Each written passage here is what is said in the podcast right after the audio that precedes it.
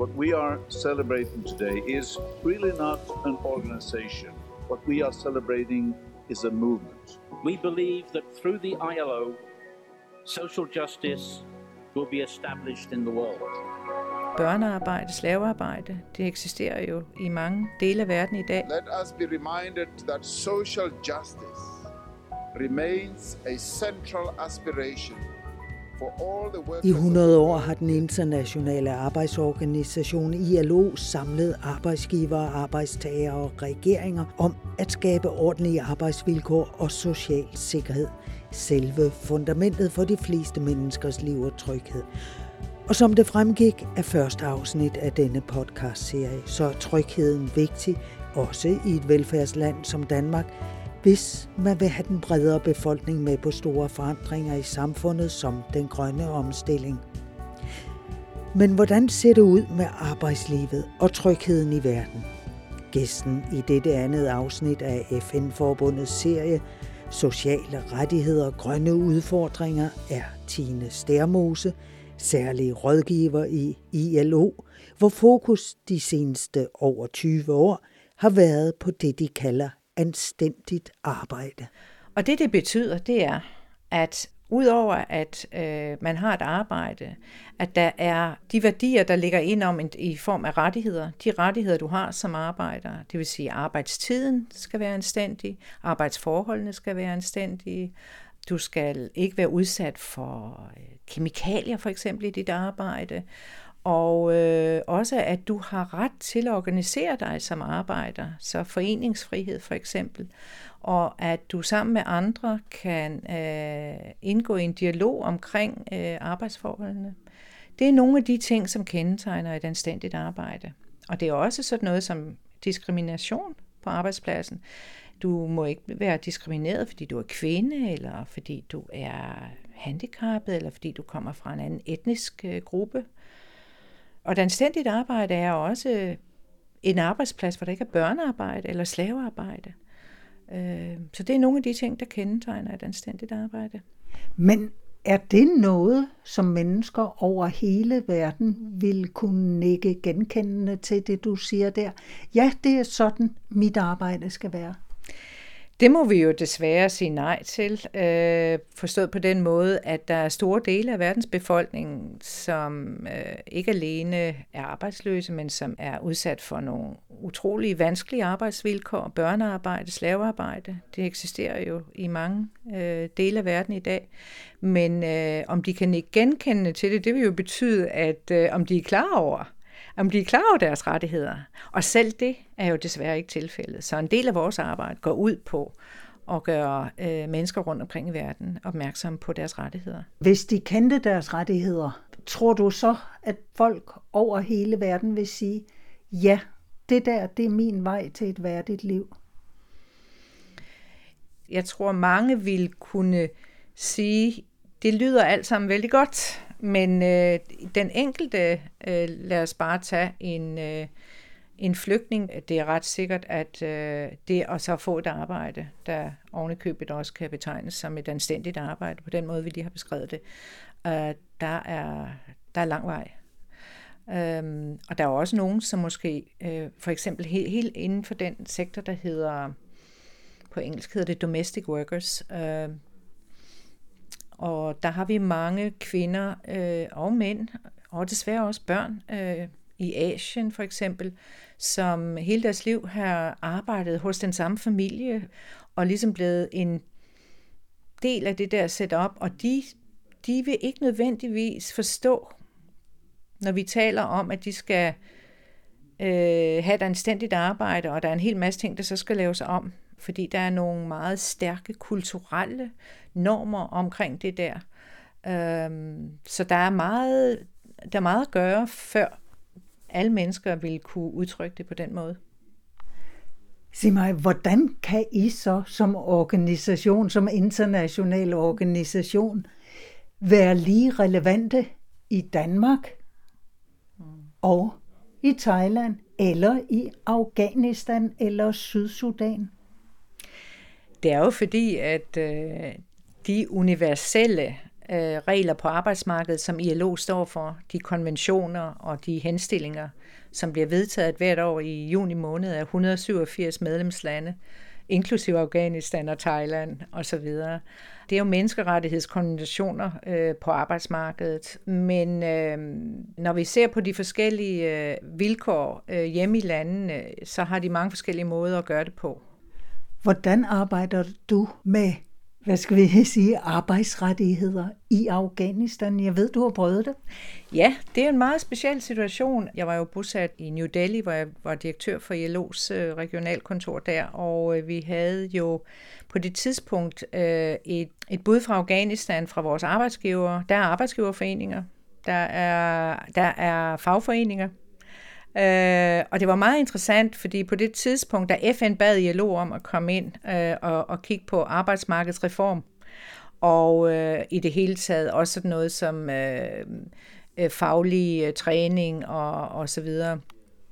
Der var det på et tidspunkt, hvor man øh, måtte anerkende, at alt det beskæftigelsesudviklingsarbejde, man havde lavet, det havde ikke ført til noget varigt, så man... Øh, man havde brug for en øh, mere strategisk øh, tilgang til det, men også arbejde med arbejdsministeriet.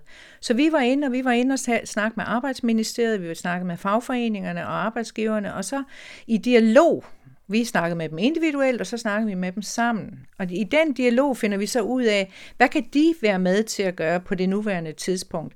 Og en af de interessante ting, det var faktisk, at øh, både fagforeningerne og arbejdsgiverne, de havde jo ude i Afghanistan, hvor det var vanskeligt for FN at komme, der havde de deres små kontorer. Og de var meget bedre organiseret øh, end mange af de NGO'er, der var der. Så der kunne vi bruge dem til at øh, fremme nogle af de her øh, rettigheder. Vi havde noget omkring øh, børnearbejde sammen med UNICEF, kan jeg huske. Det er jo noget, som både arbejdsgiver og arbejdstagere er helt enige om, øh, og regeringen også. Det er jo ikke let at gøre noget ved, men det, at man øh, starter med at, at lave en plan sammen, det er en god begyndelse. Og det fik jo så også øh, resultater i, i virkeligheden øh, i form af, af børn, som øh, kom i skole i stedet for. Ikke? ILO er jo bygget op ligesom det danske arbejdsmarked. Hvad er fordelen ved den model? Det er jo en meget stærk model. Øh, vi refererer jo til den som den, den skandinaviske eller den nordiske model. Den bliver holdt op som et ideal, vil jeg sige, når vi taler om det globalt set. Men der er også mange af vores udviklingslande, som har svært ved at se sig i modellen. Synes, det er en meget øh, vestlig model, en meget... Øh, skal sige, den er meget, den er så avanceret, øh, og det er især fordi, at mange af de store lande, som Indien og Brasilien og Sydafrika osv., de har jo store dele af deres befolkning øh, arbejder jo i det, vi kalder den uformelle sektor. Og hvordan bruger man så sådan en trepartsmodel i den uformelle sektor? Det er jo nogle af de ting, vi diskuterer med, med deres øh, parter, øh, altså fagforeninger og, og øh, arbejdsgiver og øh, arbejdsministeriet typisk i, i de lande.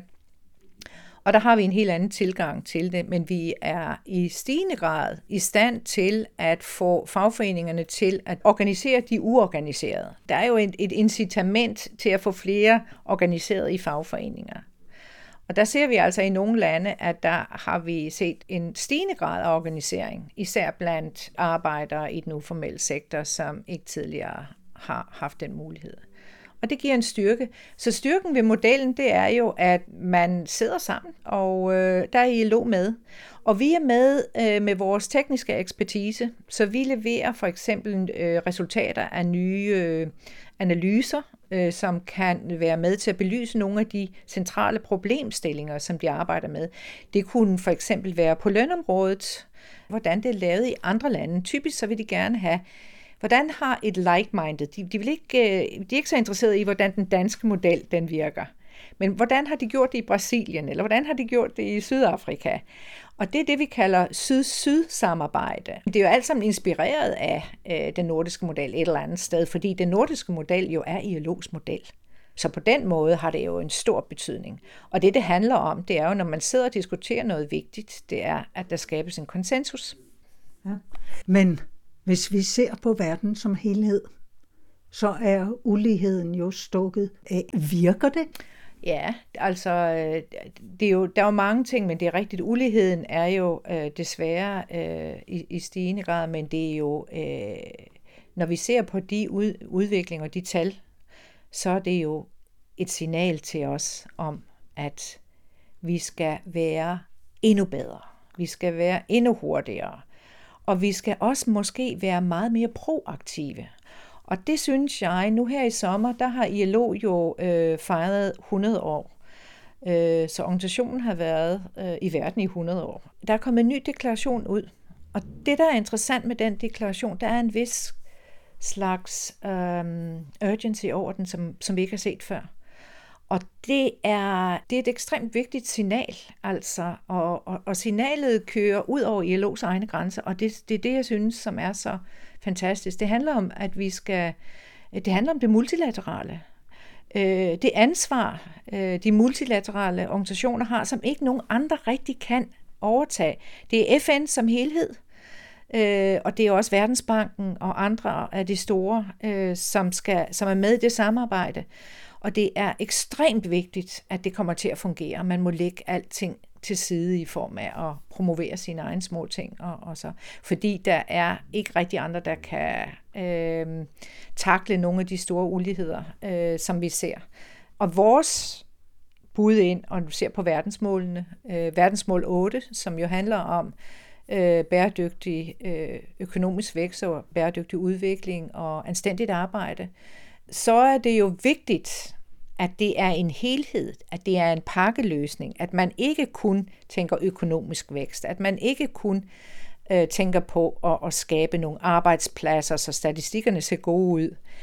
Fordi hvis der ikke er øh, sociale sikkerhedsnet etableret på, på samme tid, øh, og hvis der ikke er rettigheder, og der ikke er en overholdelse af de internationale konventioner på det her område, ja, så er det netop, at vi får mere øh, ulighed. Og derfor så er det ikke kun ILO, som kommer frem med anstændigt arbejde i disse dage. De andre FN-organisationer samarbejder med os for at øh, få det her implementeret. Så vi, øh, vi arbejder helt konkret på landeniveau. Vi har jo et kæmpe arbejde næste år med... Øh, øh, som FN. Øh, nu taler jeg som FN, og det er, at vi skal jo på landeniveau have lavet alle vores øh, landeplaner om og der kommer verdensmålene og den måde, vi arbejder på det her til at, at øh, blive testet. Og for ILO gælder det i nærmeste fremtid om at sikre, at der også bliver anstændige arbejdspladser i den grønne omstilling og i den teknologiske udvikling. Det var Tine Stærmose, særlig rådgiver i den internationale arbejdsorganisation, og i næste afsnit besøger jeg Kirsten Larsen, Dansk Arbejdsgiverforening.